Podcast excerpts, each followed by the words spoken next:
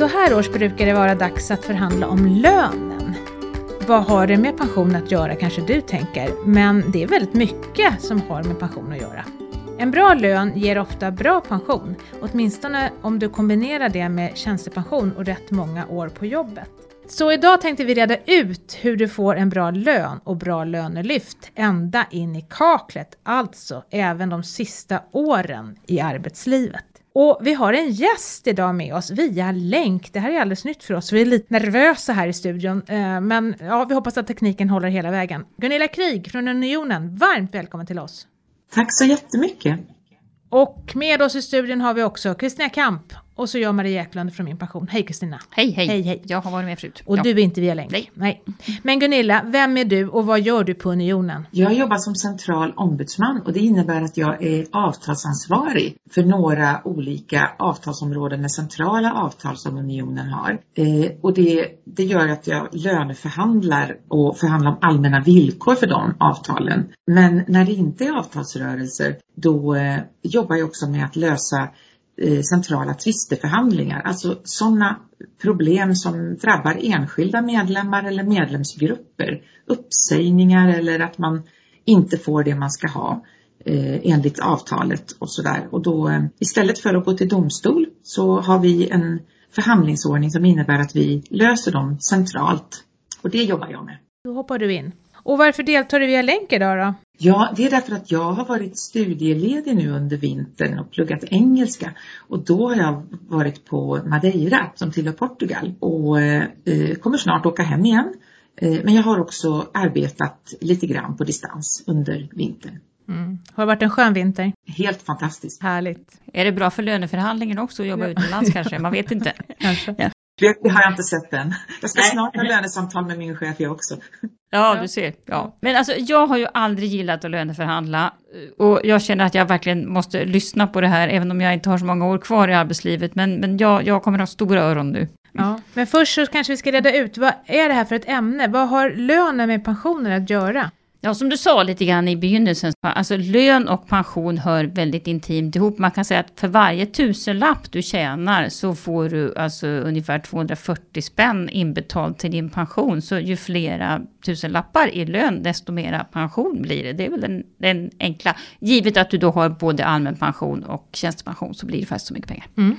Är det högsäsong nu då för löneförhandlingar? Vad säger du Gunilla? Ja, det är väl så att en mycket stor del av avtalen på den svenska arbetsmarknaden löper ut på våren och man har alltså eh, årlig lönerevision som det heter på fackspråk, det vill säga att man har lönesamtal med sin chef eller löneförhandlingar mellan klubb och företag. Det är väldigt många avtal som har det med nya lönen börjar löpa från april eller från maj till exempel. Mm. Hur tycker du? Är vi dåliga på att löneförhandla? Och behöver vi i så fall träna på? Ja, jag kan inte säga att det finns en, eh, någon, generellt svar utan vi har väl hela skalan.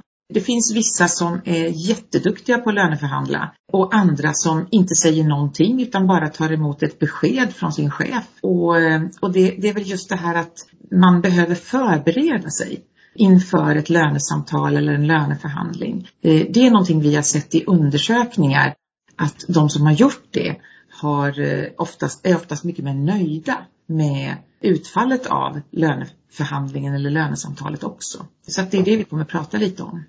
Usch, jag känner mig jätteträffad nu, den där som bara nickar och säger tack. Mm, ja. Ja, men, ja, det är inte så lätt liksom. Hur ska nej. man? Nej. Ja, men det, nej, sen tror jag, jag kom ju in i arbetslivet för jättemånga år sedan, då, då nickade man och sa tack, för då var det liksom ordnat på annat sätt. Men så är det, vi behöver träna. Och jag tänkte höra däremot nu, för att jag menar du som sitter då på Madeira och många som har suttit hemma, eh, kanske inte var på jobbet på ett och ett halvt, två år. Kommer det här att ha betydelse i löneförhandlingarna tror du? Det här med, med distansarbete, är det bra eller dåligt för löneförhandlaren? Eller för dig som ska löneförhandla? Ja, alltså det, det här med, det finns ju en risk att man halkar efter. Dels finns det en risk att chefer inte ser eller hör vad medarbetarna har uträttat när de arbetar på distans. Eh, det kan ju vara så att man har löst eh, stora problem åt företag till en helt ny situation som vi har haft nu under de senaste två åren. Det kan också vara så att man har deltagit i seminarier och e-kurser och många andra saker som inte chefen har en aning om att man har gjort. Om man träffas på en mässa eller konferens, jag menar då har ju chefen sett medarbetarna där. Men det kanske man inte har då om, om de har deltagit eh, i, digitalt i olika sammanhang. Eh, och sen tror jag att det finns ett annat problem att anställda eh, som kanske känner att de har fått vårda sjuka barn ganska mycket under vintern, de kanske har varit sjuka själva. Vi har ju haft en exceptionell situation och då tycker man kanske att jag har inte presterat lika mycket som jag har gjort i andra sammanhang eller andra år och då kan det vara svårt att argumentera för att man ska ha en lönehöjning just den här våren. Men då får man tänka på att det här är någonting som har drabbat väldigt många och att det är saker som ligger utanför ens egen kontroll. Sen kan det också vara så att företagen i, i vissa branscher då kan ha drabbats hårt av ekonomiskt av pandemin och då kan ju utrymmet för lönehöjningar vara begränsat. Men då är det ju viktigt att känna till att om man har ett centralt kollektivavtal då måste företagen höja lönerna på arbetsplatsen även om företaget har gått med förlust. Så att man har rätt till lönehöjning i alla fall. Men jag tänkte fråga, man pratar ju ändå om att vi ska liksom, det här med distansarbete kanske blir mer en norm. Men ska man vara lite försiktig då och ändå visa upp sig för chefen ibland så att han vet att man jobbar kvar? Typ? Ja. Eller hur tänker man här? Och om man inte visar upp sig fysiskt, alltså man, man kan ju ha väldigt mycket möten via Teams och via Zoom och via olika system där man träffar chefen ändå. Men eh, framförallt så, så kanske det är viktigt att tänka på på vilket sätt kan jag visa vad jag har uträttat när man inte ses dagligen vid kaffeautomaten. För att det kan ju också vara så att pandemin gynnar, eller vad heter det, inte gynnar någon naturligtvis, men att den här nya möjligheterna som finns med distansarbete till exempel, att det gör att man kan redovisa hur många mejl har jag svarat på, hur många samtal har jag tagit, hur, hur mycket möten har jag deltagit i. Allting lagras ju i datorn. Så att man kan ju gå in och se väldigt lätt vad är det jag har uträttat under den här tiden. Mm. Den är bra. Det är jättebra. Mm. Mm. Vad tycker du man ska undvika då inför en löneförhandling? Vad är det jag ska tänka på? När man löneförhandlar? Ja, vad ska jag inte göra? Ja, ett vanligt misstag då skulle jag säga det är ju att jämföra med en enstaka arbetskamrat. Eh, för man har, man har ofta råkat få reda på att den och den tjänar mer än jag. För att det är ju så att om någon har fått en hög lönehöjning då kanske man skryter lite med det. Och eh, chefen sitter ju oftast med hela bilden, vet vad alla i arbetsgruppen tjänar. Men det gör ju kanske inte du som enskild anställd utan då vet du om några stycken. Och om man då visar avundsjuka för att någon har en högre lön och så, det verkar inte proffsigt. Ett annat misstag det är ju att man kan bli för känslomässig. Så att om man till exempel blir upprörd, för det här är ju väldigt nära en själv då. Man kan bli arg. Jag vet medlemmar som har sagt saker som man ångrar sen och, eller så blir man väldigt ledsen och börjar gråta och det är ju ingenting som ger någon lönehöjning. Och om man håller på med, med smicker och fjäsk, ja men det kan ju säkert gå hem ibland men det verkar inte heller särskilt proffsigt. Men det viktigaste att undvika det är i alla fall att komma oförberedd. För de som har förberett sig inför ett lönesamtal och vet vilka lönekriterier som gäller, vilka mål som man har uppnått, man har gått igenom och kommer ihåg vilka kurser man har gått och man har tagit reda på löneutrymmet i det centrala avtalet och lönestatistiken och så här. Då är man också oftast mycket mer nöjd med utfallet av lönesamtalet. För man känner att man i alla fall har gjort sitt bästa under det här lönesamtalet. Excel-ark är bättre än tårar. Ja, ja, och inga äpplen till chefen. Nej, just alltså. det. Nej. du, inflationen har ju kommit tillbaka nu också. Nu blir den väl ännu högre nu när det är krig. Hur ska man som löntagare tänka här då? Det är ju lätt att man liksom halkar efter nu, att köpkraften blir lägre för att jag inte får Alltså om jag inte får det lönelyftet som, som jag kanske behöver då för att, för att inte inflationen ska äta upp hela lönen. Ja, och det är ju samma sak där. Det är ju många som går in till chefen och säger att allting har blivit så mycket dyrare så jag måste helt enkelt få en lönehöjning. Men det är mm. inte ett bra argument. Och nu har vi haft 20 år med reallönehöjningar. Så att de flesta i vårt arbetsliv är ju vana vid att när man får en lönehöjning så, så får man också en ökad köpkraft. Men hur stor inflationen blir i år, det vet vi ju inte än. Vi vet inte hur långvarigt det här kriget blir och det, det är mycket som påverkar. Och just nu så är det ju energi och drivmedel som där vi ser snabba prisökningar. Många har ju då installerat solpaneler. Vi har hört att efterfrågan är enorm på att göra det för att slippa de här höga elräkningarna och, och köpt elbilar då för att komma undan det här rekordhöga dieselpriset och sådär. Men, men visst är det så att om inflationen blir sådär hög som den är i USA, då får man ju minskad köpkraft trots lönehöjning. Mm. Och det här kan man inte ens ta upp. Jag menar, men det här måste ju ändå vara någonting som ni förhandlare centralt funderar en del kring. Ja, absolut. Och det är ju så att när man sätter det här eh, märket och när man diskuterar samhällsekonomiska förutsättningar innan avtalsförhandlingarna, då, då tittar man ju på Riksbankens inflationsmål. Och det är ju en viktig del i, i förutsättningarna inför nästa eh, vår då. Eh, nästa stora avtalsrörelse är ju våren 2023 och det är klart att inflationen som blir under 2022 kommer att påverka det märke som sätts i förhandlingar mellan arbetsgivarorganisationerna och fackförbunden. Ja, det här märket är ju viktigt. Ska ja, vi försöka utveckla? Ja, vad är märket? Vad är märket?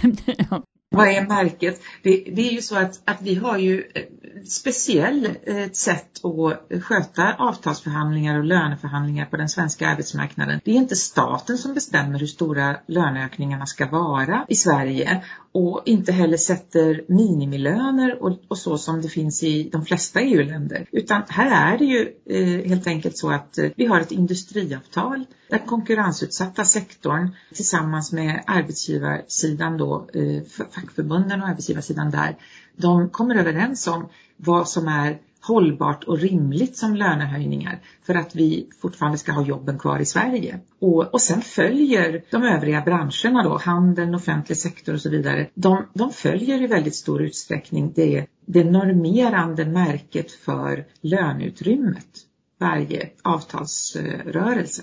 Och då är det bra om jag själv som individ har lite koll på det där märket också, eller? Ja, det är det. Och, och det, är ju, det, innebär ju inte att alla har rätt att få märket. Men man kan säga att man, man ska kolla vad är, vad är det för datum som gäller på just din bransch. Det centrala avtalet, alltså vad är det för procenttal eh, som gäller.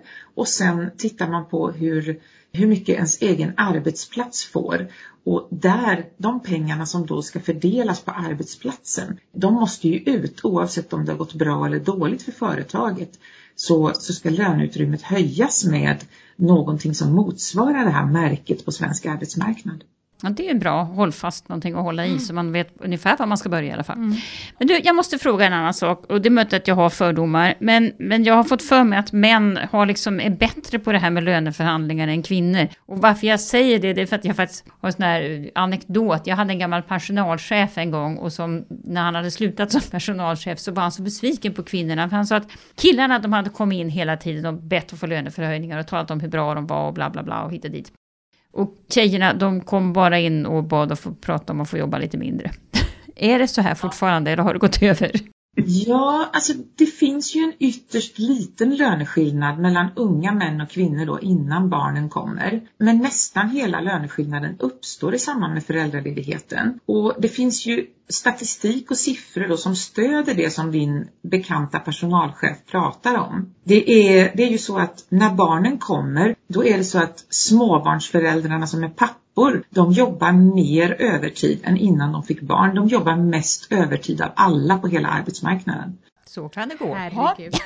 ja. De, de småbarnsföräldrarna som, som är mammor, de arbetar mest deltid av alla på hela arbetsmarknaden. Är det så här fortfarande? Ja, det är fortfarande på det här sättet. Det har, det har blivit en stor skillnad. De som jobbar deltid, förr så jobbade man ofta kort deltid, nu jobbar de mycket längre deltid. Och det är också så att många fler småbarnsmammor jobbar heltid idag än tidigare. Och eh, hemmafruarna är ju nästan försvunna mm. i Sverige och det är de ju inte i resten av Europa ens. så att, visst, visst har vi vi har, vi har kommit mycket längre än vi hade på 1980-talet till exempel. Men att småbarnsföräldrar fortfarande gör så olika livsval, det skulle jag inte säga att det är samma sak som att kvinnor är sämre på att löneförhandla. För det är ju, de är ju inte när de är liksom, när de söker sitt första jobb när de just kommit ut på arbetsmarknaden. Där är inte löneskillnaden särskilt stor. Utan snarare så kan man säga att, ja, jag har ju hört ett skämt då som säger att valet mellan pengarna eller livet så brukar männen välja pengarna och kvinnorna väljer livet. Och, och det, det kan väl ligga någonting i det snarare. Men då måste jag fråga, måste man liksom köpa det här argumentet att du kan, du, du kan inte få så mycket lönelyft för att du jobbar deltid? Man kan ju vara bra på den där deltiden, tänker jag. Det är, jag tror att det där är en faktor som spelar roll. Det här med att vårda sjuka barn spelar en, an, en annan faktor som spelar roll. Och sen tror jag att tjänsteresorna är en väldigt viktig del. I jättemånga kvalificerade arbeten i Sverige så har man under decennier utgått ifrån att det krävs tjänsteresor om man är chef eller säljare eller jobbar i, ja, som högutbildad då. Att det krävs väldigt mycket tjänsteresor. Och för många är det en utmaning att kombinera tjänsteresor med små barn. Och, och det här gör att eh, det är, jag tror att vi kommer få se en helt ny spelplan. Alltså att arbetsmarknaden förändras väldigt drastiskt nu när många företag har upptäckt att det går att göra både konferenser, seminarier, affärsuppgörelser, utbildningar. Att det går att göra jättemycket digitalt. Eftersom vi faktiskt har gjort det nu under ett par år och det har sparat enorma pengar åt företagen. Och pengar är ju, ja, det är viktigt. Men man hör ju också att det, kvinnorna har ju tyckt om det här med distansarbetet mycket mer än männen. De har ju liksom gärna liksom hållit sig kvar där på kontoret och tyckt att det känns bra. Medan kvinnorna har ju känt att de slipper de här arbetsresorna och sånt. Då kanske man faktiskt jobbar mer. Ja, och det är att man faktiskt kan jobba lite effektivare när man inte ja måste sitta på ett försenat tåg och sådär. Det, det kanske också är en, en faktor som kan gynna kvinnor. Och jag tror att framförallt högutbildade kvinnor i, på orter där det inte finns en stor arbetsmarknad och mycket jobb att välja på. Där tror jag att det här kommer betyda väldigt mycket. För att bara det att man har en, ett alternativ, en plan B när man sitter med löneförhandlingar. Ja, men man har sökt andra jobb. Blir man erbjuden ett annat jobb? Man behöver inte ta det. Men man har i alla fall ett annat alternativ om man inte får den lönehöjning man vill ha. Det kan betyda jättestor skillnad om man vill bo på en ort där utbudet av kvalificerade jobb inte är så stort. Men du, ja just det, för då kan man jobba någon annanstans. Men jag tänkte säga, inte 17 är det särskilt lämpligt i ett lönesamtal att prata om att jag är minsann attraktiv för andra arbetsgivare. Är inte det liksom ett hot typ? Nej, eh, det, det, tror jag, eller det, det, kan, det kan ju, det är många som gör det i och för sig, men har man ett, ett verkligt erbjudande, ett konkret alternativ, då är det ju ett S att ta fram i rockärmen. Om det är så att man inte får igenom det som man har satt som sin lägsta gräns. För det är alltid bra innan man går in i en löneförhandling och har satt upp ett mål för hur mycket skulle jag vilja ha i lönehöjning. Och sen ha en, ett, ett intervall någonstans här emellan den lägsta godtagbara nivån och det här, vad ska jag säga, mållönen eh, mm. skulle jag vilja hamna. Och, och, att man vet då att ja, men om jag inte ens får en lönehöjning som ligger i vad jag lägsta tänkbara kan godta, då om jag inte vill pendla till exempel så öppnar ju sig helt nya möjligheter när man kan jobba digitalt. Så man kan till och med genomföra anställningsintervjuer digitalt numera. Ja, och spela in poddar. ja, nej, så det händer allt, grejer. Ja. Allt går. ja. Men, ja. Ja, nej, men jag, jag tänkte fråga mm, bara, liksom, ja. när ska man ge upp då? Om man har en chef som, eh, alltså det går liksom inte att förhandla, man, man liksom slår huvudet i väggen. Är det bara att ge upp då eller finns det någon, någon annan väg att gå? Nej, man kan ju ta en paus. Eh, man kan be om att få ha ett nytt möte nästa vecka och sådär. Och gå tillbaka och kolla med sitt eh, fackförbund. Om man har en fackklubb på arbetsplatsen då vet de ju ganska mycket om lönenivåerna och om vad som är rimligt och sådär. Men det är just det här att få en second opinion då från någon annan som också har en helhetsbild av löneläget och lönestrukturen på företaget. Det kan ju vara bra. Man kan ju också få stöd och hjälp till exempel av en facklig företrädare. Eh, I många avtal finns den möjligheten. Men, eh, men som regel så, så tror jag att det är bra om man kan genomföra lönesamtalet själv. Men att kanske ta kontakt med och få lite coachning och peppning då, alltså ett fackförbund. Antingen av sitt regionkontor då, att man ringer till eh, till exempel Unionens kontor om man är medlem där då. Eller till, prata med sin fackklubb. Mm. Och sen komma tillbaka. Det är ett bra tips. Bra handfast mm. tips. Men du, jag tänker knyta an lite till pensionerna. Eh, för det finns ju en del lönenivåer ändå som är liksom extra viktiga om man tänker pension. Och då är det ju till exempel bra att se till att man hamnar på en inkomst på mer än 7,5 inkomstbasbelopp. För då blir det mera tjänstepension. Och det motsvarar alltså typ en månadslön på mer än, vad ska vi säga, 45 000. Eh, finns det annat som du tycker är viktigt att tänka på om liksom du ska tänka på hur jag vill ska förbättra min pension just? Ja, om man tittar på de som tjänar över eh, taket då i eh, den allmänna pensionen, då, då, tycker man ju att ja, jag betalar ju mer i skatt än man gör på de lägre lönerna. Ändå så får man ingen allmän pension för de lönedelarna som ligger däröver. Och, och då är det ju ännu viktigare att man har kollektivavtal på sitt jobb.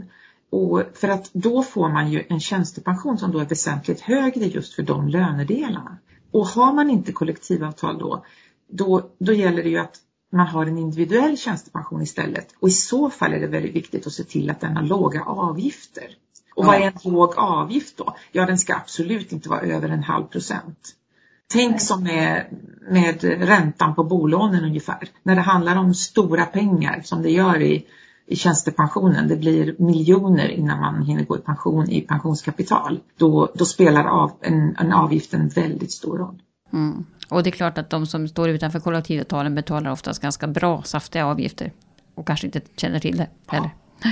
Jo, du, men sen, sen, så här då, jag som börjar närma mig pensionsåldern, nu tycker det är spännande också. Jag hör nämligen ibland att den som är lite äldre, alltså man får nästan vänja sig vid att lönen sjunker de sista åren. Och jag tänker nu när det är inflation dessutom, att det kan ju liksom bli väldigt jobbigt då om man får lönelyft som tappar ganska mycket mot prisökningarna. Har du något bra förhandlingsgrepp här för, för de som har liksom, ja, närmar sig 60 eller passerat 60 och när man liksom bara, man har ju svårt att argumentera, jag ska säga jag ska byta jobb imorgon. Va, va, vad ska man säga här?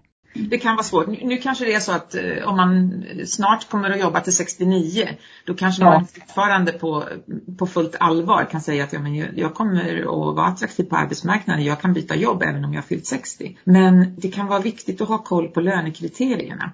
Mm. För att möter du argument som att företaget eller arbetsplatsen, enheten inte går så bra då, så kan de bemötas med att det är inte något som ingår i eller påverkar lönekriterierna. Utan finns det ett löneavtal som säger att lönerna ska höjas så finns det en siffra på hur mycket de ska höjas. Och sen ska den löneutrymmet på arbetsplatsen, det ska fördelas.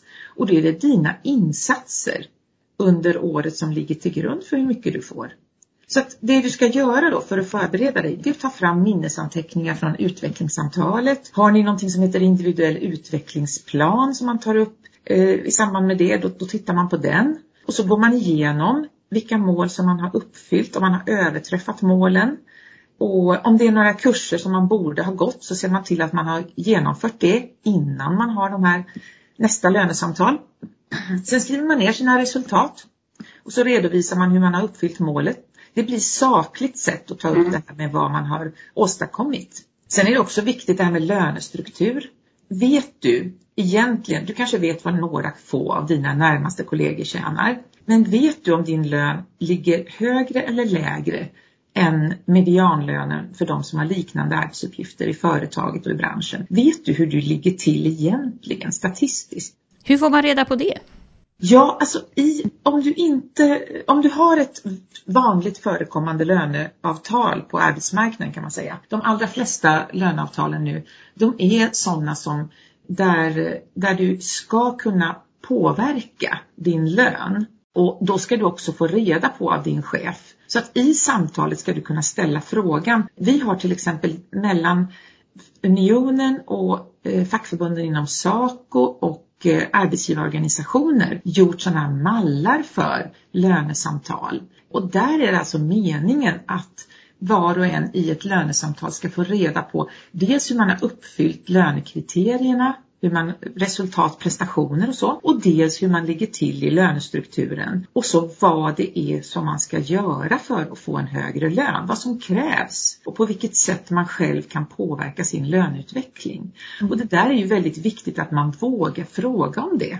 För att eh, lyckas man inte hela vägen just den här våren så vet man åtminstone att man ska ha dokumenterat lönesamtal då, skriftligt på hur ska jag göra för att få en normal eller en bra lönehöjning om ett år. Och om du till exempel har bytt chef då, då har du ju kvar det här. Så det funkar nästan som ett kontrakt kan man säga. Oh, spännande. Men du, jag tänkte det här med äldre arbetskraft också. Finns det någon, några fördelar med att vara äldre som man liksom kan lyfta fram? Absolut. Jag menar, många gånger så, så är det ju så att eh, erfarenhet är väldigt viktigt. Att man har löst ett problem, man kanske har sparat pengar åt företaget. Ofta kommer nyanställda och kollegor som har fått nya arbetsuppgifter kommer till de som är äldre och erfarna och ställer massor av frågor. Och det där kan ta väldigt mycket tid för den som då har den här erfarenheten.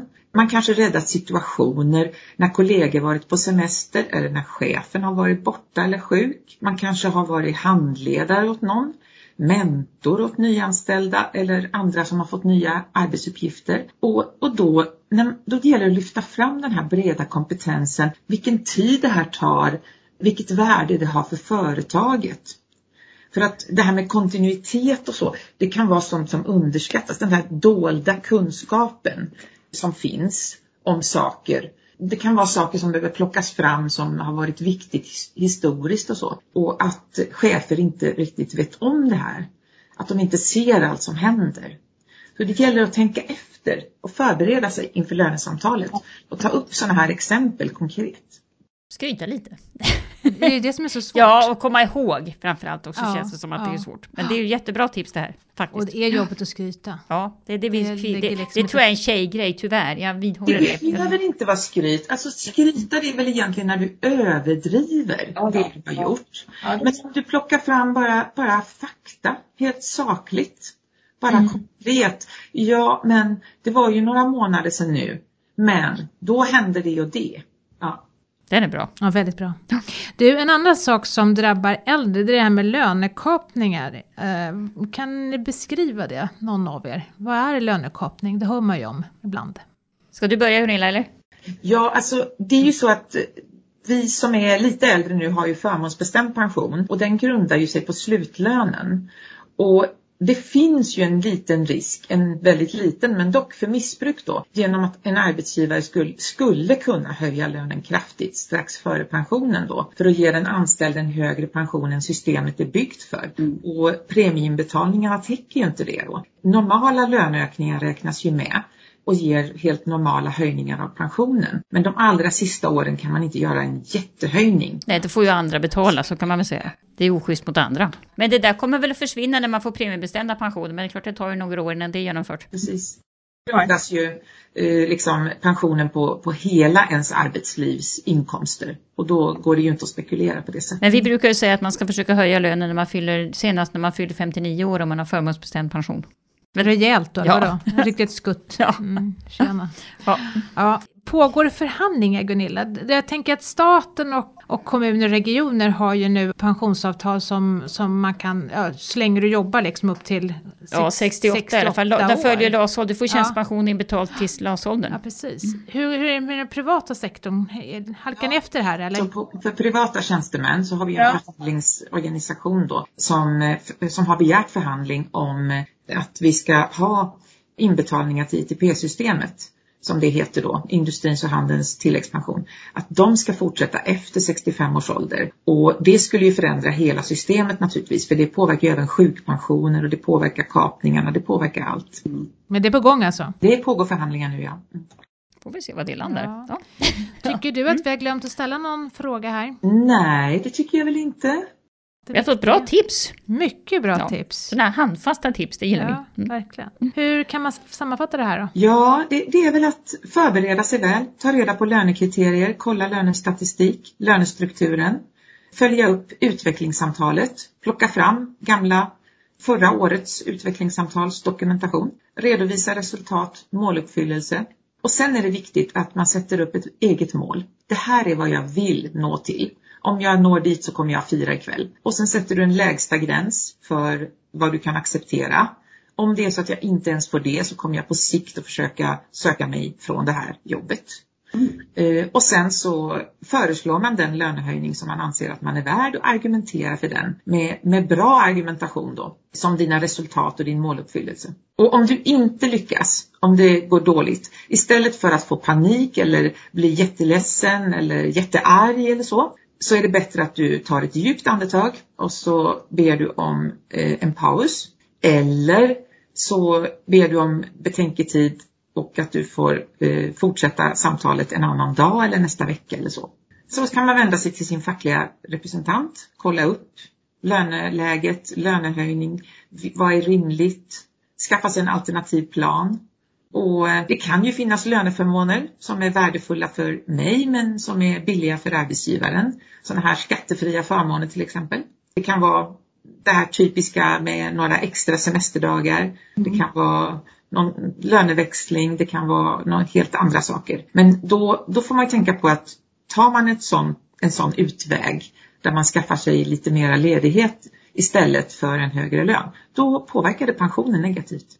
Ja, helt rätt. Det gör det. Helt rätt. Men det som påverkar pensionen positivt, det är ju att jobba länge. Och så jag brukar ändå säga att det är ju, det är klart att lön är viktigt och det, framförallt är det bra att man känner sig liksom uppskattad på jobbet. Men det är ju jättebra att ha ett jobb där man orkar jobba lite fler år också. Det är faktiskt väldigt bra för pensioner. Det är precis därför vi har jobbat så hårt för flexpension. Det ska vara lite mer flexibelt liksom att ta ut eh, pension på det sätt som passar en själv. Mycket bra. Tack Gunilla, det känns jättebra. Nu vet vi exakt hur vi ska förhandla här, Kristina och jag. När vi ska in. Chefen. Stackars chefen. Ja, jättetack Gunilla för att du kunde vara med på länk ända ifrån Madeira. Tack, tack!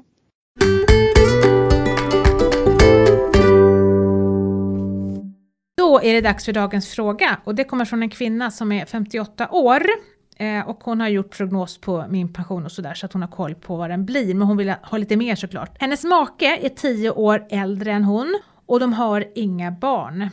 Eller hon har i alla fall inga barn. Hur kan hon maxa, alltså hur kan det bli mer? Nu ska det inte bli, vi ska inte gå in på individuella råd här, men liksom hur, hur kan hon tänka för att det ska bli lite mer här nu till henne? När han dör förmodligen.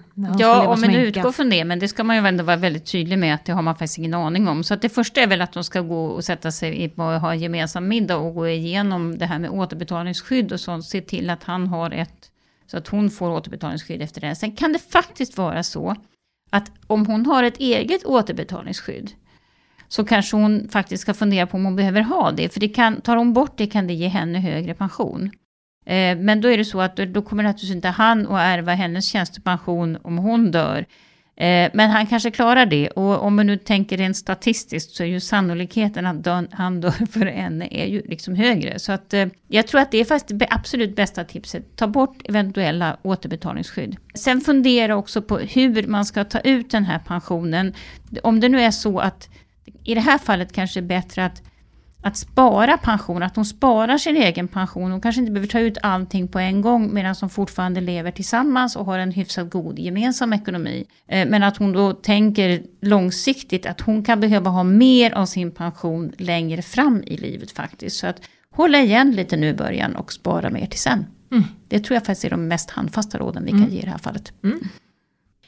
Det var allt för oss idag. Tack för att du har lyssnat. I avsnittet har du hört Gunilla Krig från Unionen, Kristina Kamp och så mig, Maria Eklund från Min Pension.